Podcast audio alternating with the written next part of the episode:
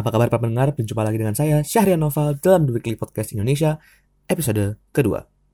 Pada hari ini, Sabtu 6 Januari 2018, kami akan membacakan rangkuman informasi penting yang muncul pada minggu ini, yaitu Kim Jong-un ajak Korea Selatan untuk berdialog. Intel bocorkan Core i7 baru dengan GPU AMD Radeon RX Vega. Battle of Surabaya kini hadir di Amazon. Dan Yon Koswoyo, vokalis Ghost Plus, meninggal dunia. Kim Jong-un ajak Korea Selatan untuk berdialog. Kim Jong-un, pemimpin Korea Utara, pada pidato tahun barunya, mengatakan bahwa ia ingin membangun dialog dengan pemerintahan Korea Selatan. Menurut CNN, pidato ini merupakan hal yang di luar dugaan. Ketika menyangkut hubungan Korea Utara dan Korea Selatan, kita harus menurunkan ketegangan militer di semenanjung Korea, guna menciptakan lingkungan yang damai. Baik Korea Utara maupun Korea Selatan harus melakukan upaya. Dilansir dari BBC, Kim mengatakan bahwa Olimpiade musim dingin di Pyeongchang, Korea Selatan akan menjadi kesempatan bagus untuk menampilkan status kedua negara tersebut. Kim mengharapkan agar Korea Selatan dan Korea Utara segera membuat pertemuan untuk membahas pengiriman delegasi Pyongyang ke Seoul. Olimpiade musim dingin yang akan digelar segera di selatan akan menjadi peluang bagus untuk menampilkan bangsa Korea. Dan kami dengan tulus berharap agar acara tersebut digelar dengan hasil yang baik. Sebelumnya, pada tahun 2013, Kim juga menyerukan hal yang serupa. Namun hal tersebut tidak berjalan lancar karena berjalannya proyek rudal nuklir Korea Utara. Tawaran Kim ditanggapi oleh Kepresidenan Korea Selatan, The Blue House. Jika perhelatan Olimpiade musim dingin berjalan sukses, hal ini tidak hanya berdampak pada perdamaian di semenanjung Korea, namun juga di dunia.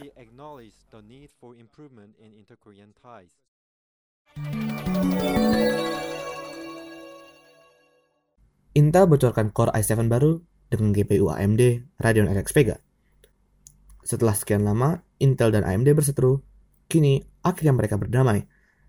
Tahun lalu, tepatnya awal tahun 2017, Intel secara diam-diam melakukan kerjasama dengan rivalnya, yaitu AMD, untuk mengembangkan sebuah prosesor high-end dengan discrete grafik untuk komputer laptop.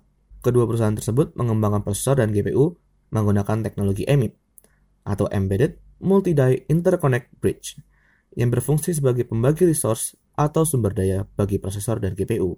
Dan kini, situs web Intel telah membocorkan prosesor pertamanya tersebut, Prosesor itu dikombinasikan dengan GPU Radeon RX Vega, dan prosesor yang dikombinasikan adalah Intel Core i7 8809G dengan dua GPU yaitu Radeon RX Vega MGH dan juga Intel HD Graphic 630. Dengan bandwidth memory hingga 180 GB per detik untuk prosesornya dan 204 GB per detik untuk GPU-nya, dipastikan Intel akan memperkenalkan produk ini kepada publik pada event CES minggu depan.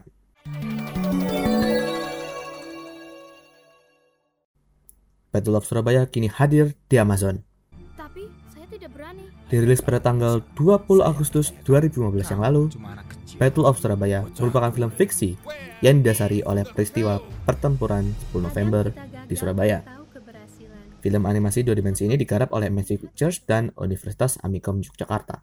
Film yang menceritakan tentang petualangan Musa seorang remaja yang kesehariannya adalah menyemir sepatu yang menjadi kurit bagi pejuang Tentara Keamanan Rakyat atau TKR dalam peristiwa pertempuran 10 November 1945 di Surabaya, Jawa Timur. Sejak perilisannya pada tahun 2015, MSV tidak mendistribusikan film tersebut ke dalam format digital maupun format DVD, sehingga banyak masyarakat yang kecewa karena tidak dapat menyaksikan animasi tersebut karena telat menonton. Tapi kini, masyarakat dapat bernapas lega karena kini film tersebut telah dirilis di Amazon Video. Film tersebut didistribusikan oleh Fantastic Film International yang sebelumnya juga pernah mendistribusikan film Garuda Superhero dan DPO. Battle of Surabaya dapat dibeli dengan harga 9,99 euro atau seharga Rp183.000 melalui Amazon Video yang dapat disaksikan lebih dari 200 negara yang berbeda. Namun kabar buruknya, film ini telah disebar secara ilegal oleh orang tak bertanggung jawab di Twitter maupun di Facebook. Yun Koswoyo, vokalis Kos Plus, meninggal dunia. Kabar duka datang dari band Kos Plus. Yun Koswoyo, vokalis sekaligus gitaris band tersebut, meninggal dunia pada Jumat 5 Januari 2017. Pihak keluarga berencana akan menyemayamkan beliau di tempat pemakaman umum atau TPU di Tanah Kusir, Jakarta Selatan pada Sabtu 6 Januari 2017 pada pukul 7 pagi. Sebelumnya, Yunkos Plus direncanakan akan tampil di dalam sebuah konser pada bulan Februari mendatang. Namun takdir berkata lain. Berbagai pesawat musik terkenal turut berduka. Beberapa musisi bahkan mengunggah kesan-kesannya mengenai sosok vokalis Ghost Plus ini. Seperti Rian The Massive yang mengunggah kebersamaannya dengan Yon saat beliau di rumah sakit. Selain Rian, ada juga Virgon, Grand Flattery, dan juga Trian Munaf yang mengunggah kesan-kesannya tentang beliau melalui jaring-jaring sosial Instagram.